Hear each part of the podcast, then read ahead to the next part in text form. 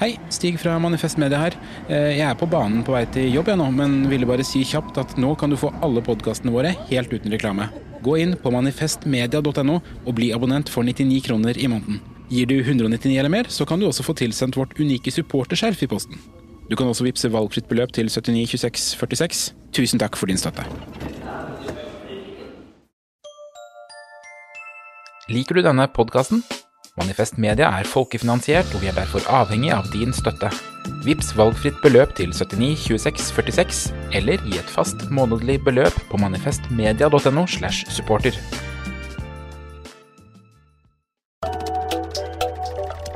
Økotrim med Linn Stalsberg og Kalle Mone.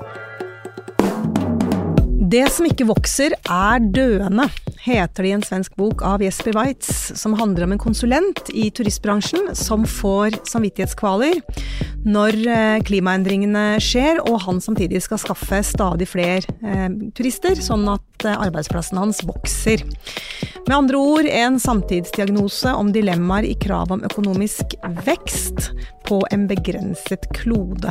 Og vi har snakka om vekst før i denne podkasten. Vi har snakka om grønn vekst og forbruksvekst, og hvorvidt vekst er eller ikke er det ordet som lettest oppsummerer kapitalismen som system.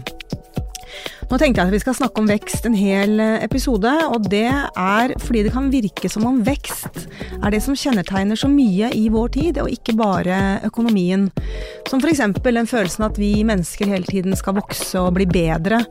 Vi skal stadig vokse inn i en større leilighet eller flottere hus. Og har du en bedrift, enten den er stor eller liten, så ligger det liksom i kortene at den alltid skal vokse år for år, og du skal tjene mer penger selv, eller til eierne eller aksjeeierne hvis du har det. Og da møter vekst de to største utfordringene i vår tid, nemlig klima og ulikhet.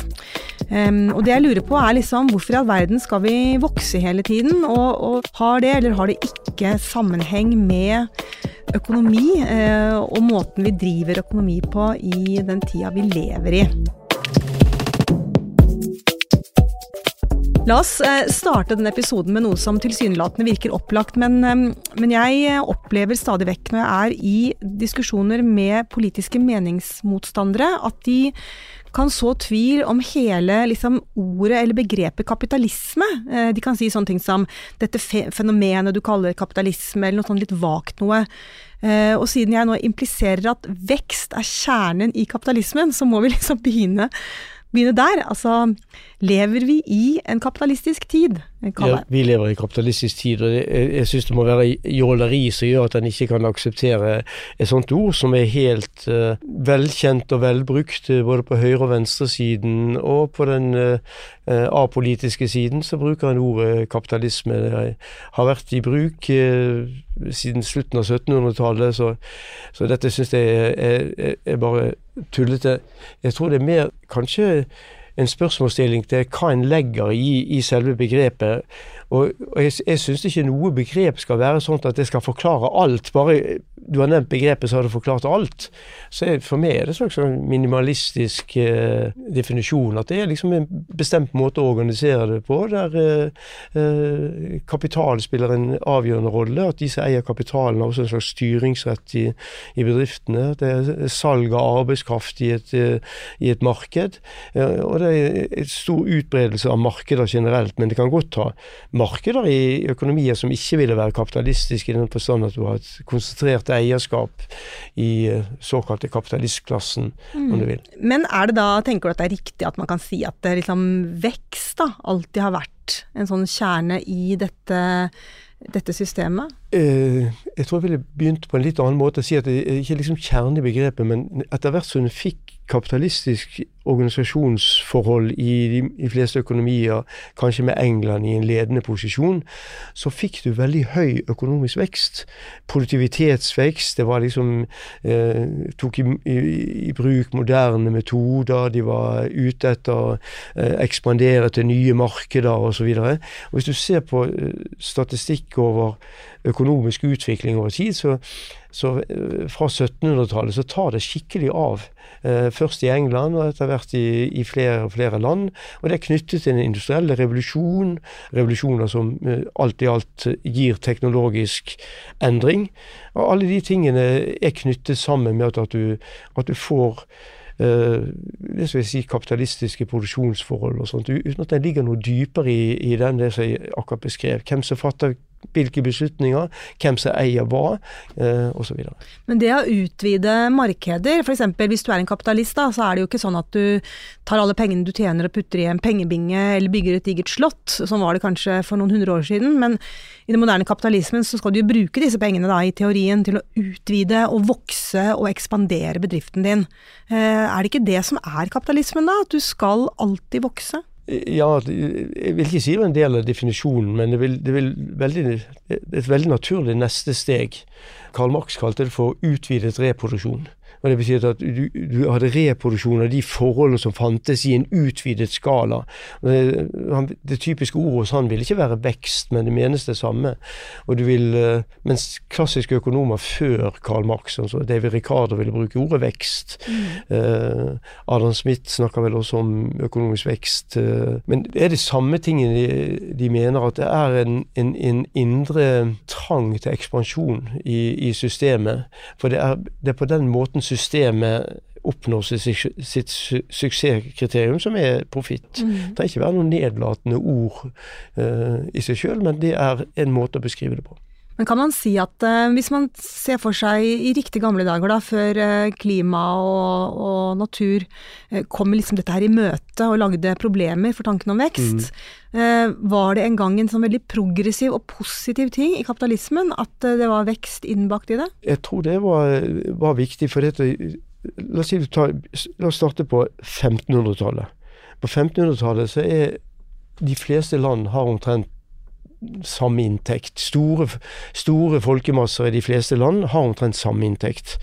Så tar etter hvert, eh, etter eh, liksom svartedauden er før 1500-tallet, men, men, det er mange justeringer til, til svartedauden som kommer. Eh, som end, for da blir det knapphet på arbeidskraft. For det er jo, sånn det er nesten halvparten av arbeidsstyrken i Europa dauer. Mm. Og da, da blir, det, da, det, mer jord, mer, mer ressurser per arbeider. Og da kunne du, i hvert fall i noen land, få til nye endringer og sånn, som ofte var til fordel også for fattige folk. Mm. de kom ut av det som ble kalt for den maltusianske fattigdomsfellen. Som der hver gang du fikk bedre leveforhold, så fikk du også økt befolkningsvekst, sånn at det ble for mange igjen. og Der kom du ut av dette.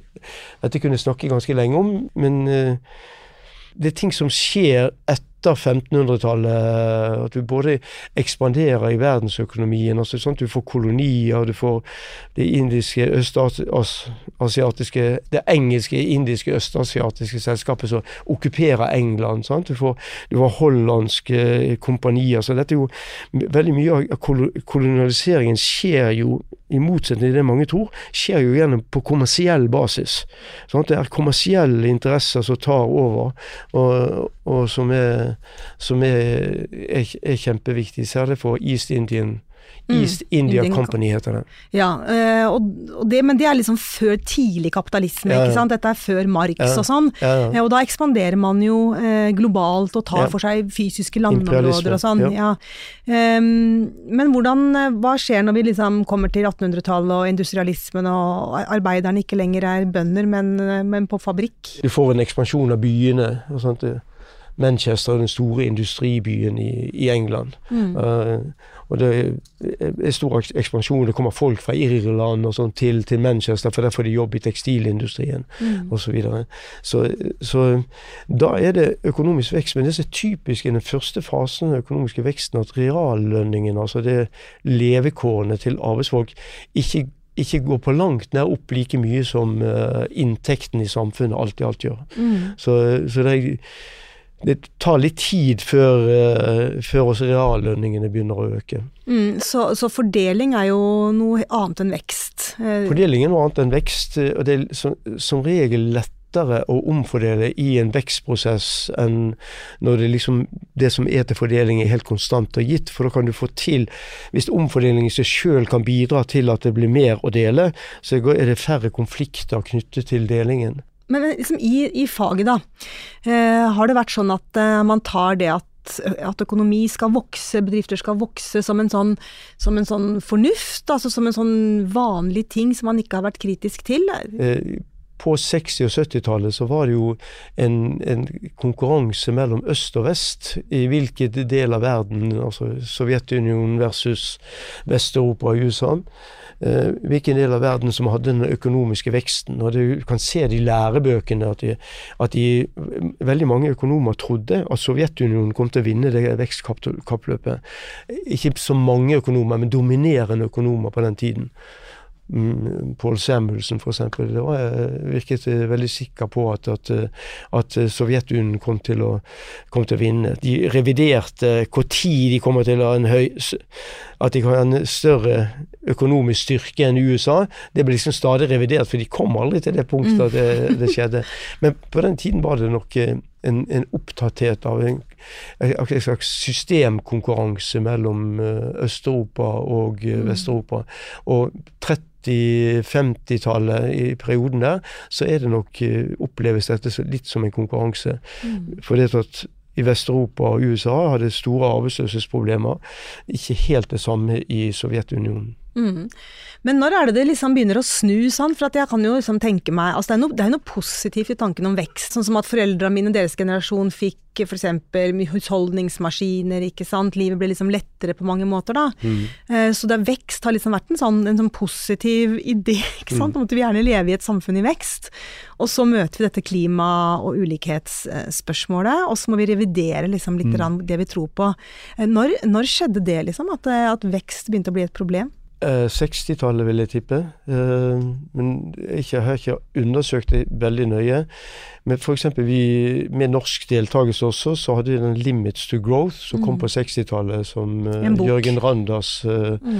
professor på BI, Handelshøyskolen BI, var med på. Det fikk masse diskusjon rundt, rundt den si, utredningen, eller det kampskrift, eller hva det var. Mm. Det var den ble både kritisert og tiljublet, begge deler.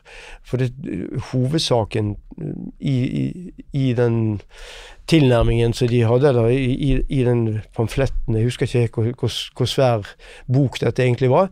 Eh, det var jo at dette kunne ikke fortsette. Mm. Dette kunne ikke fortsette med den økonomiske veksten som en hadde. Mm. Så kom jo Gro Harlem Brundtland sin uh, kommisjon for Our Common Future, het den opprinnelig. Mm. Så hun var leder for en FN-opprettet uh, utredning som var også veldig god. De hadde ikke alle svarene, ikke, kanskje ikke alt var i etter i dag så vil jeg si at det var visse ting de ikke la nok vekt på, og sånn, men uh, f.eks.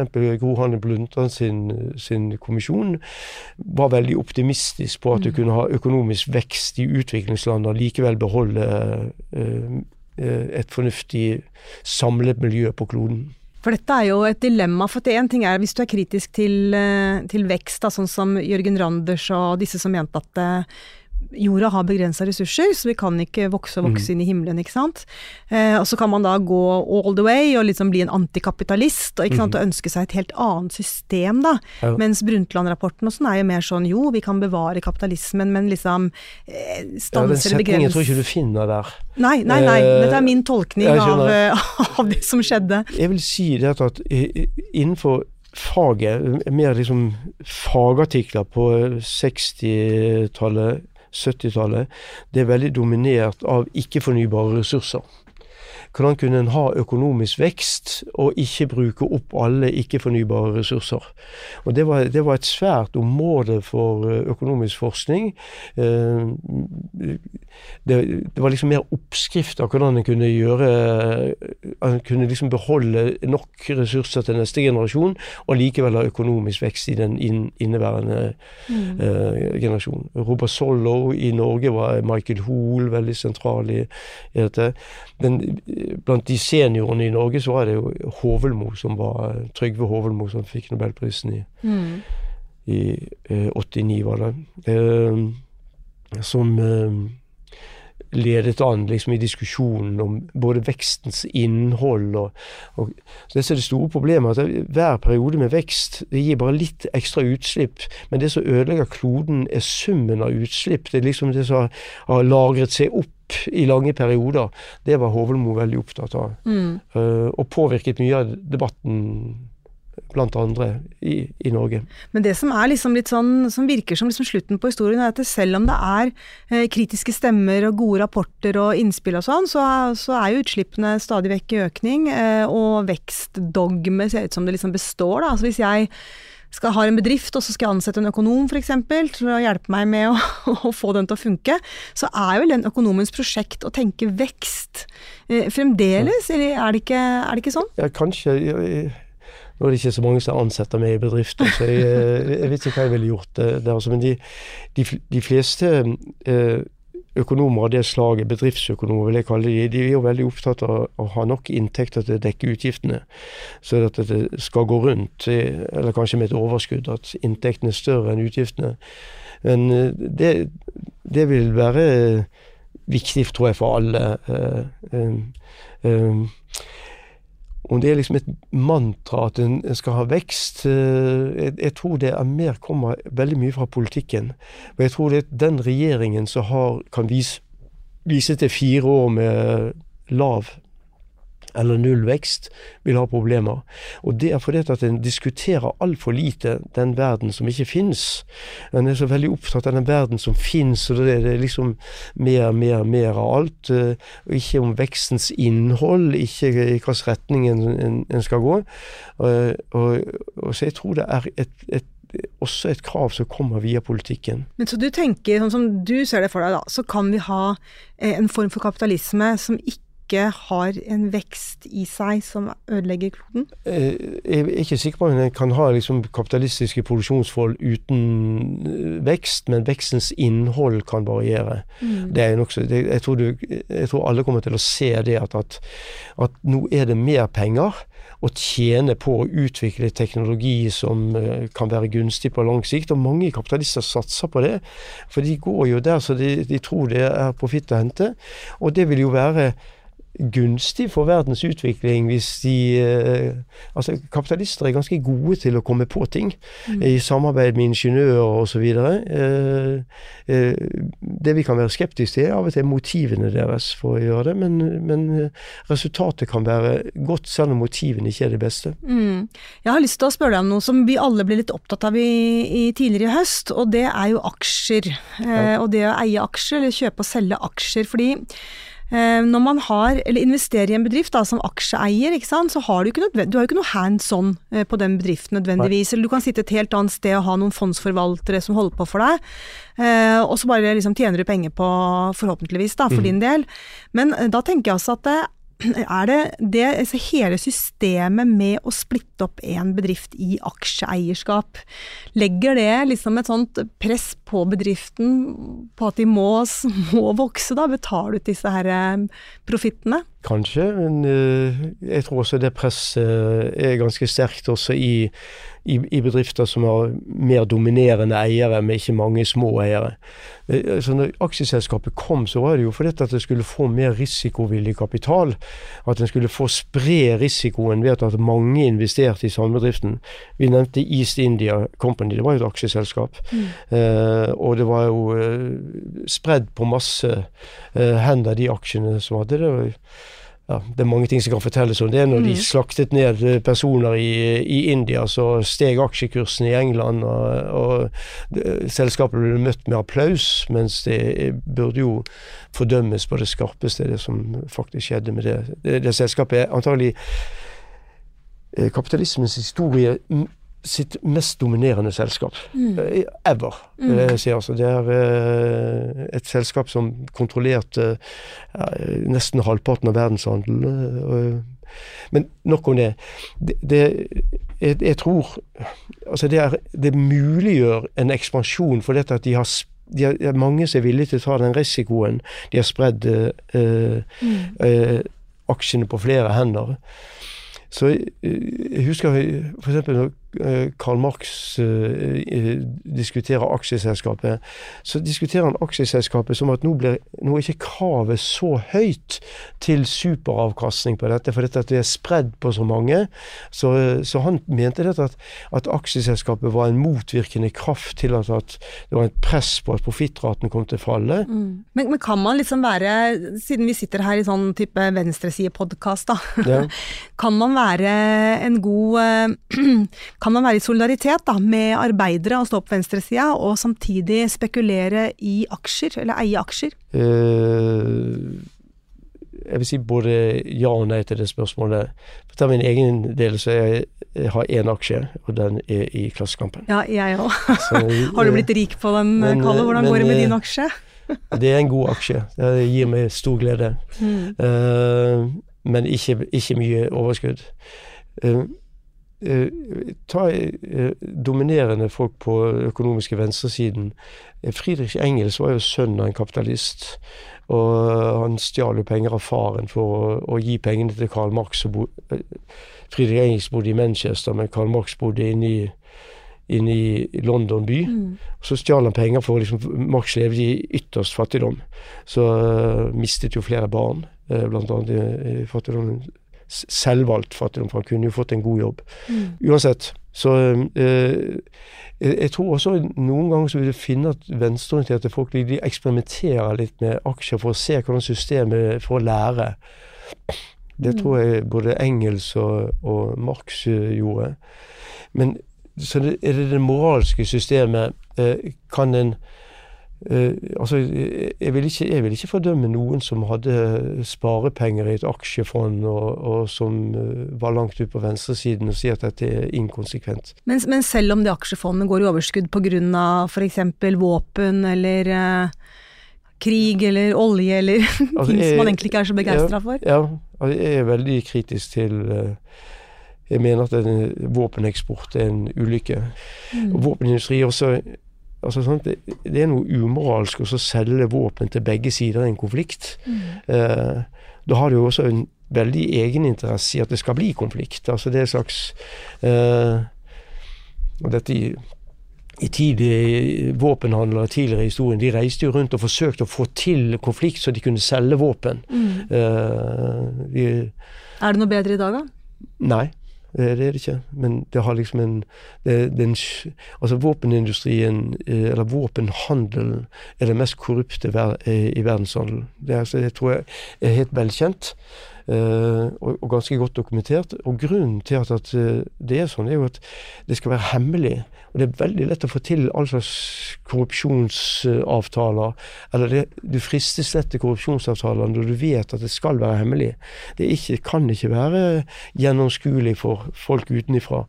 Og da blir det også veldig lett. Og det er enorme gevinster for våpenindustrien å, få en avtale med Saudi-Arabia, f.eks. Mm. De fleste vil synes at å handle med våpen med Saudi-Arabia er umoralsk. Men det har altså Norge gjør det ikke. Men, eh, men England har gjort det, f.eks. Mm. Tony Blair var veldig involvert i, i våpenhandel med Saudi-Arabia. Grunnen, grunnen til at jeg spør, er jo at eh, sånn som du og jeg også kan jo bestemme oss for å investere i våpenhandel liksom fra vår trygge varmebolig av Sofia her hjemme, liksom, og så få noen tusenlapper inn på kontoen i løpet av et år. Så det er, liksom, det er veldig sånn nærliggende, da. Ja. Du trenger ikke å være liksom Tony Blair eller noe sånt for å tjene penger på dette her. Det kan vi jo hvem som helst av oss gjøre, har vi Og jeg trenger heller ikke innsideinformasjon for å skjønne at Kongsberg Gruppen kom til å ekspandere, kom til å få ordre i forbindelse med Ukraina-krigen. Men nå er jo pga. at Ukraina-krigen har alle så sterk sympati med ukrainerne, så det tillater han seg en, en rekke ting. Jeg har til og med sett folk som hvert fall ønsker å bli tatt alvorlig, gå inn for klasevåpen i forbindelse med uh, Ukraina-krigen. For dette så ødelegger de ikke så mange kanoner. De kan skyte flere uh, dødelige skudd med, med samme skuddet. Mm. For dette er mm. en klase av våpen.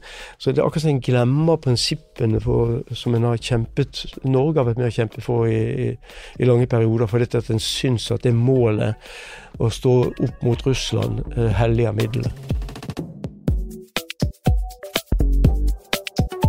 Nå, eh, I neste del av den samtalen her, så skal jeg dra deg litt ut på glattisen. Ut på, ut, litt utafor faget ditt. Vi har jo blitt enige om at økonomi er et samfunnsfag, og da går vi ut i samfunnsfagen. Og så kan vi snakke litt om sosiologi og kanskje litt psykologi også, ikke sant. Fordi det som jeg har vært opptatt av, er Altså hva som er sammenhengen mellom et system eh, vi mennesker lever i, da, enten det er et religiøst system eller et økonomisk system eh, eller andre ting, og hva slags mennesker vi blir i det systemet. Sant? Sånn at når jeg snakker om eh, at vekst da ligger på mange måter i vårt økonomiske system og politiske system, som du presiserte, så tenker jeg liksom ja, men hva slags hva slags mennesker blir vi da? Hva slags verden vokser unga våre opp i? Når konkurranse og det å være best og det å, å kanskje eh, ja, tjene mye, da, eh, sette seg selv foran og lene seg fram, som vi har lært at vi skal gjøre, eh, er verdier som verdsettes veldig høyt, og som applauderes frem. da. Hva tenker du om det, liksom? Er det sånn at vi skaper et kapitalistisk system, kapitalistiske mennesker, altså som, som type? Det kan det være noe i. Eh, jeg kan referere til et, et forskningsprosjekt eh, som vi hadde eh, sammen med folk på Handelshøyskolen. Det er Alexander Cappelen og Bertil Tungodden og en som heter Elisabeth Skjelbred og meg sjøl, som så på liksom den rollen som det som på nynorsk heter merit, altså kvalifisert kunnskap, spiller i hvor mye ulikhet folk aksepterer. Og det som vi fant, for Jeg skal ikke beskrive akkurat hva vi gjorde eksperimentet, men det vi fant er at det er bare en liten dose av meritokrati, altså sånn at, det, at det er noe noen kvalifikasjoner som direktøren har, eller hva det måtte være, så er en villig til å akseptere enormt høy lønn. Så det, det stikker veldig dypt til folk til at, du kan Du skal, du skal ikke uh, Du skal ikke gi uh, store gevinster til folk som bare har flaks, men folk som kan noe. Som, og selv om det er ørlite, for det, når vi gjør eksperiment, så kan vi kontrollere hvor lite Uh, hvor lite merit det er i, altså hvor, kun, hvor, lite kunnskap, kvalifikasjoner det er. Det kan vi kontrollere i eksperimentet. Og det skal bare litt til, så har det full uh, effekt av at nå gjelder liksom at nå er det, dette er en direktør som skal ha eh, tolv uh, millioner. Og det, det, det, er noe, det er noe noe der som, som er blitt etablert så helt dypt inn i normene til folk, det at, at, at meritokrati det er liksom noe, eh, noe veldig bra. Det, det er det helt ålreite på lønnen. En aksepterer ulikhet så lenge det kan knyttes til at, at, at de hadde kvalifikasjoner som var bedre enn andre osv. Istedenfor å diskutere hvor mye du skulle gjøre dette, så er det akkurat som den, den diskusjonen er borte. Det er ingen i Norge som er verdt 12-15 millioner kroner. Det er ingen som har en produktivitet som det, men det er veldig mange direktører i Norge som har en lønn på 12-15 millioner kroner. Mm. Og Du sa med aksjeselskap tidligere. Det er klart at Direktørene i et aksjeselskap har mye større makt enn direktørene i personlig eid eh, selskap. For dette, da er den personlige eieren kontrollerer direktøren, mens direktøren kontrollerer aksjonærene i eh, mm. Equinor og andre selskaper. Ja, for jeg tenker også litt på det med at altså, det, i forbindelse med det med, med vekst, da, at det, eh, det ligger en sånn, nesten en sånn der type instruks sant, om at vi alltid kan bli bedre. Og hvis vi aksepterer høyere lønninger, sånn som du sier, eller høyere bonuser, da, fordi du har mm. en eller annen egenskap, så er vi jo liksom fra vi er født nærmest da, i en sånn konkurranse med eh, de andre rundt oss, som må tilegne oss den kunnskapen og de egenskapene da, som, som setter oss fremst i køen, liksom. Mm. Og det er jo liksom, Man snakker om mental sykdom og sånn hos unge folk, ikke sant. Og det er jo sånn der, Det er jo litt sånn stressende, stressende ja. samfunn dette her, da. Hvis vi skal kave hele tiden etter å vokse og vokse. Ja. Det er liksom aldri det er aldri, det er aldri belønningen med det gode liv. Det kommer aldri. Så mm. først, først, så skal du stresse med, først med din egen utdanning. Nå vil jeg si at dette ikke passer så veldig godt for min egen del, men på eh, La oss si holde oss til Amerika en amerikansk familie. Først så stresser de veldig med egen utdanning. Og så skal liksom eh, Så skal barna deres eh, utdanning. Så jobber de veldig med dette, og det, det, blir et jag av den typen. Nå er jeg ikke sikker på om dette bare er kapitalismen som eh, gjør dette. Hvis en hadde kunne tenke seg Jeg tror f.eks. at det er eh, at det er også utbredt i sterkt sosialdemokratiske tradisjoner at uh, særlig i den eh, generasjonen som, uh, som min foreldregenerasjon Igjen passer det ikke for meg, men det, det, vil være folk som ikke hadde fått noen sjanse til utdanning. Så når de får barn, så er det veldig press. Nå må dere iallfall uh, uh, Nå må dere iallfall bruke de mulighetene dere får tilbudt. og Det er et veldig press i, i den retningen. Jeg vil si med ett forbehold. altså En offentlig finansiert utdanning, der har du flere sjanser. Og da er ikke, kanskje ikke presset så det er kanskje vanskelig å mislykkes innenfor et offentlig finansiert utdanningssystem, men i et privat finansiert utdanningssystem så vil du, så vil du stadig uh, hva skal si, ha et veldig sterkt press at nå har vi som foreldre vi har investert i deg, nå må du mm. Mens her er du kanskje Nå må du prestere. Så er det prestasjonskravene som, som kommer fram. Og, um, noe av dette er preget av konkurranseøkonomi generelt, men det er også sosialt press i, mm. i andre deler. Jeg, jeg, tror ikke disse tingene ville forsvinne helt hvis vi mirakuløst hadde en, en annen eh, økonomi. Jeg tror noe av Uh, at den konkurransepresset ville være der uansett. Jeg vil folk på den positive siden at jeg sier at det er jo bra med konkurranse. Det, det At hver enkelt gjør det det beste ut av situasjonen. Det bidrar til samlet eh, økonomiske forbedringer i hele økonomien, som gjør at også eh, kanskje andre også får mm. noen av gevinstene av dette. Så jeg må ikke være jeg må ikke være helt blind for altså En ulempe i, i Afrika er at den økonomiske veksten er for lav. Mm. Det, er, eh, det er en og ønsker å finne ut av det. Og vi ønsker Hvis vi kunne bestemme, så tror jeg de fleste av oss ville ønske at det skulle være mer konkurranse, mer uh, uh, mer press på å gjøre det uh, bedre. Jeg tror, jeg tror, i noen land så er det han som har diskriminert en gruppe, f.eks., så bruker han ofte det som en begrunnelse til ikke å gjøre det så yte så mye innsats sjøl.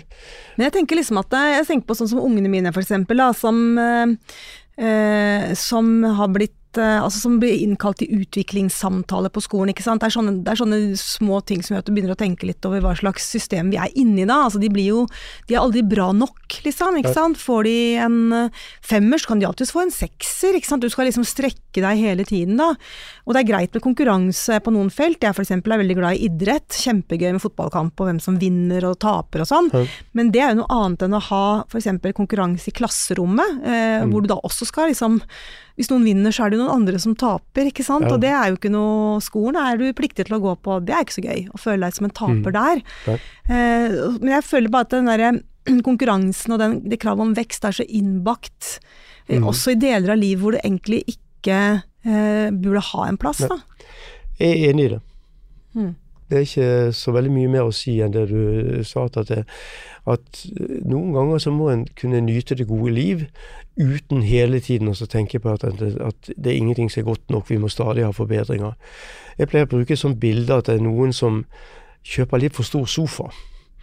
Og da tenker Jeg jeg bor i et borettslag. Så tenker jeg de har kjøpt for stor sofa. Hvorfor det? Jo, for de skal ha et større hus. Og der passer den. Den passer ikke her. Her er det for liten leilighet, men de skal opp i åsen, og der passer den sofaen. Og det, det er veldig mange som kjøper for store sofaer. Mm. Um, har eh, psykologien eller enkeltmennesket en plass i økonomifaget? Altså Tenker dere over hva, hvordan, hva slags mennesker vi blir da, innenfor ulike økonomiske modeller? Altså Fins sånne ting? Ja. ja. Uh, uh, du kan si at det av og til er litt endimensjonalt representert mm. i, i, modellene. Der har det vært en forbedring i det siste, faktisk. At uh, at det er mer samarbeid mellom psykologi og økonomi.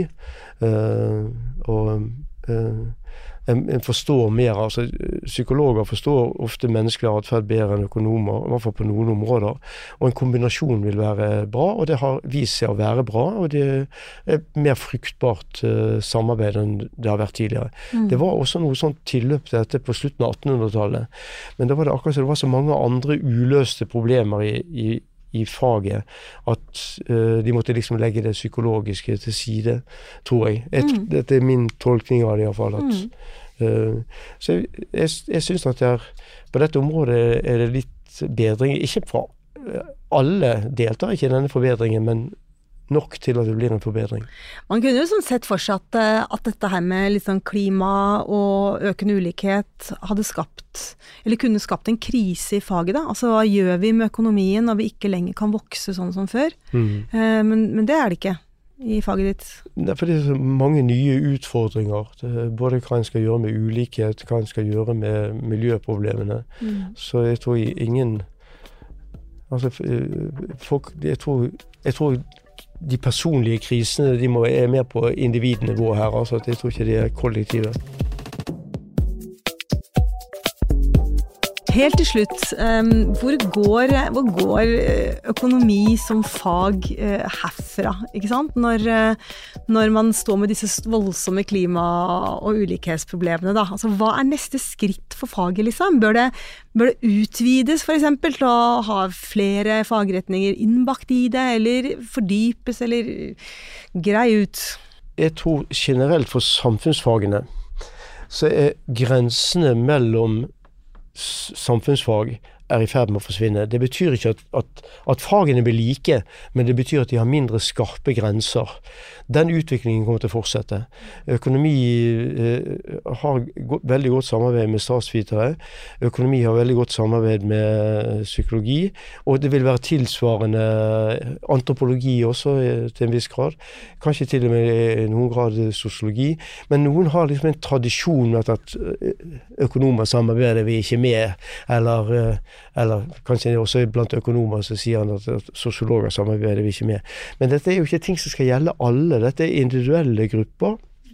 Og det betyr det at grensene mellom fag de forsvinner. Men spennet innad i det store samfunnsfaget kommer til å være like stort som det alltid har vært. Mm. Men det er ikke helt klart når det går fra det ene faget til det andre.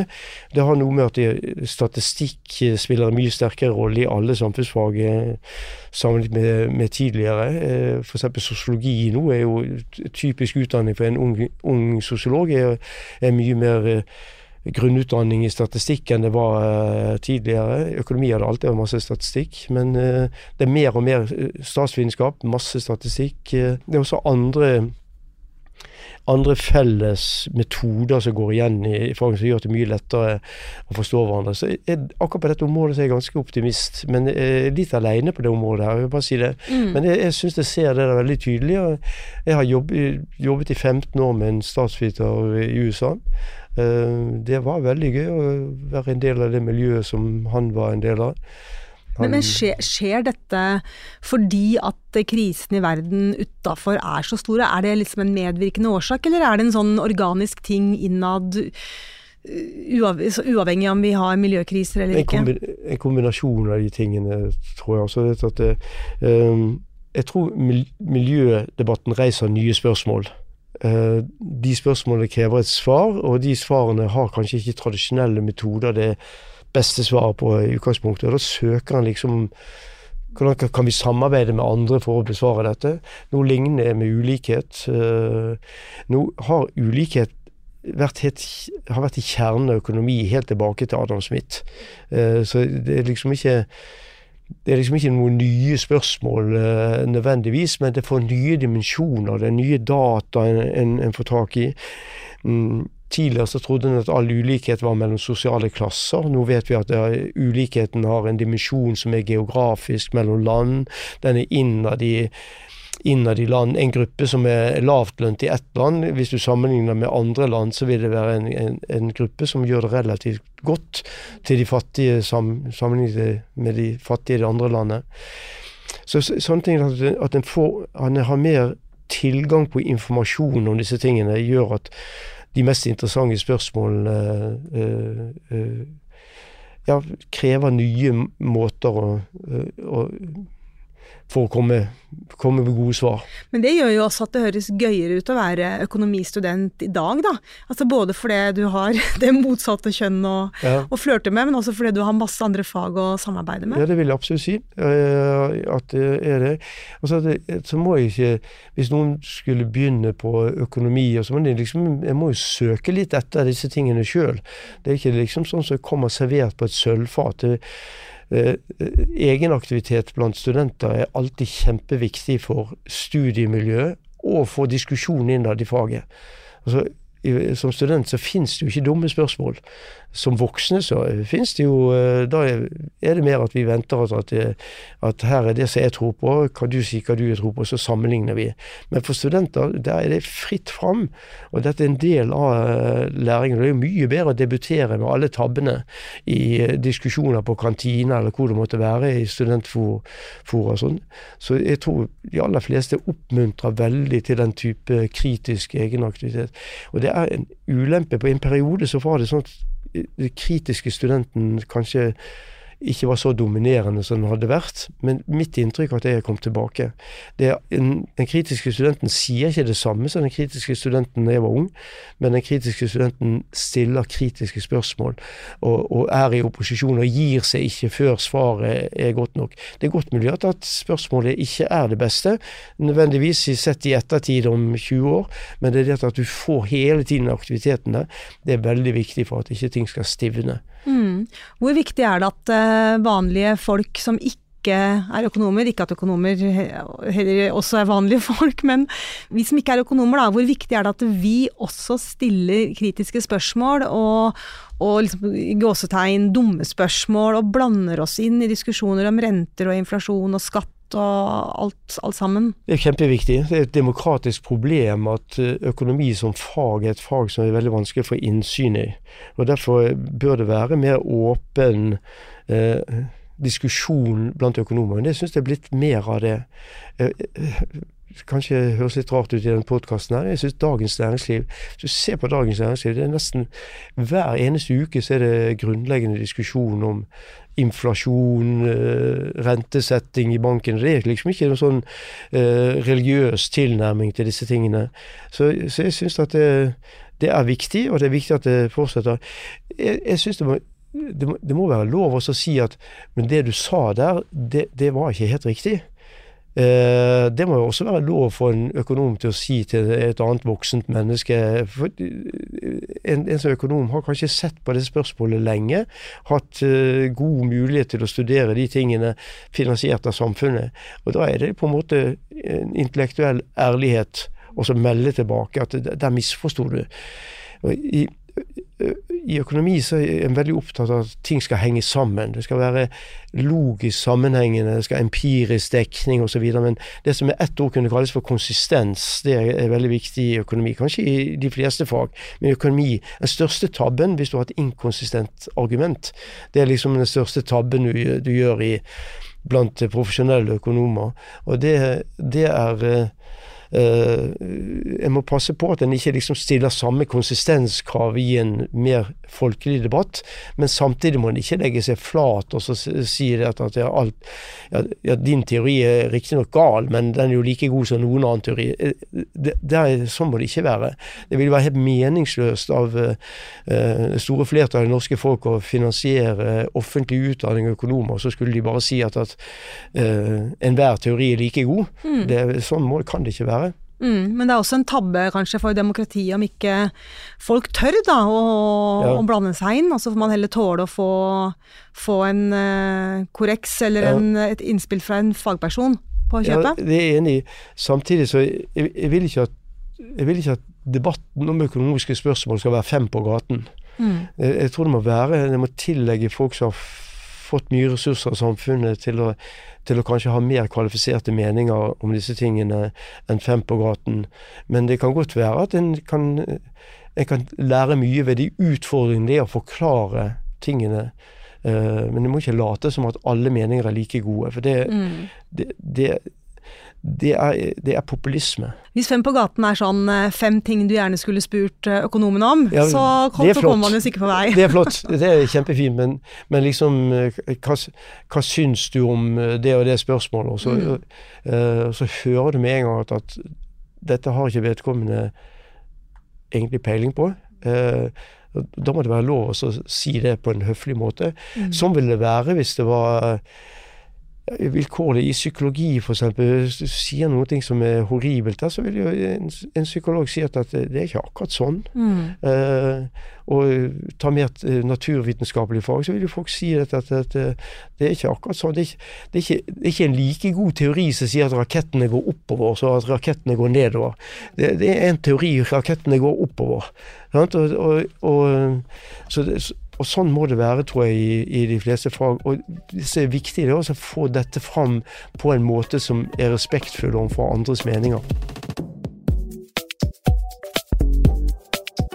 Eh, vekst og kapitalisme henger sammen, men eh, på ganske kompliserte måter, sitter jeg og tenker etter å ha hørt Kalle snakke om det. Det første jeg tar med meg ut av denne episoden, er dette med aksjer. Eh, og at eh, når man blir frista til å kjøpe aksjer, så kan både prinsipper og verdier forsvinne i møte med potensiell vekst i verdien på aksjene du eier, og da kan man jo gå seg vill i både våpenmarkeder og olje og krig og, og all, all verdens ting som vi må være bevisste på hvis vi har lyst til å holde på med det der. Det andre er at vekst kom inn som et problem i økonomifaget på 60- og 70-tallet, samtidig som jordas bærekraft og utnyttelse av naturressurser kom på agendaen i andre fag, og dette er jo en utfordring fremdeles, eh, ikke bare i økonomifaget, men for oss alle sammen. Eh, og for det tredje så er det sånn, eh, tenkte Kalle, og det tenker jo for så vidt jeg også, at et kapitalistisk system det skaper kapitalistiske mennesker. Og det betyr jo ikke at alt som er feil med oss, og alle, alle rare og underlige og konkurranseprega ting vi driver med, skyldes kapitalismen. Det kan jo skje andre steder, men det skyldes i hvert fall også eh, kapitalismen rundt, oss.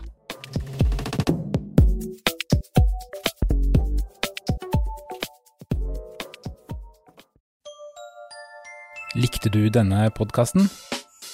Da trenger folkefinansierte Manifest Media støtte fra deg. Vips valgfritt beløp til 79 26 46, eller gi et fast månedlig beløp på manifestmedia.no slash supporter. Produsent for denne podkasten var Mikkel Kvenås. Ansvarlig redaktør er Magnus Marsdal. Du har hørt en podkast fra Manifest Media. Vi er folkefinansiert og avhengig av din støtte.